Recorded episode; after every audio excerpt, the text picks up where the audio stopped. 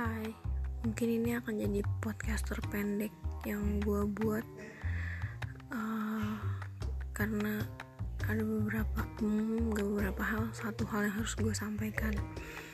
Setelah gue hmm, menjadi seorang blogger, mungkin gue nggak tahu diri gue bisa disebut seorang blogger atau enggak dan seorang podcaster gue belum tahu sih gue bisa disebut itu atau belum atau gue masih angin-anginan.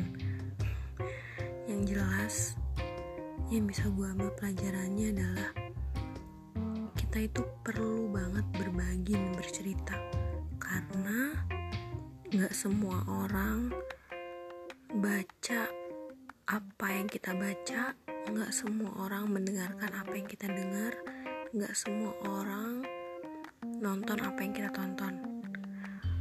Atau mungkin kita sama-sama membaca tulisan yang sama atau menonton tontonan yang sama dan mendengarkan suara atau opini yang sama tapi kita memaknainya itu berbeda. Tapi kita memaknai itu berbeda. Gimana sih kalimat gue udah seru-seru nadanya malah salah tipe ngomong. Intinya gitu. Gue udah berbagi dan bercerita di uh, blogspot dan masih bertahan di blogspot tanpa domain sendiri.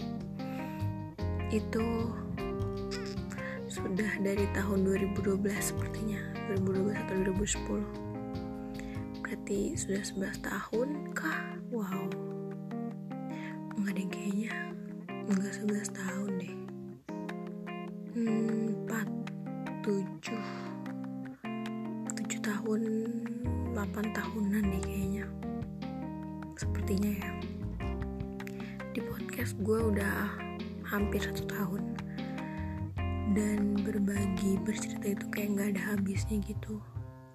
Selalu ada yang butuh dan selalu ada yang termotivasi. Bahkan selalu ada yang terbantu jangan lupa berbagi dan bercerita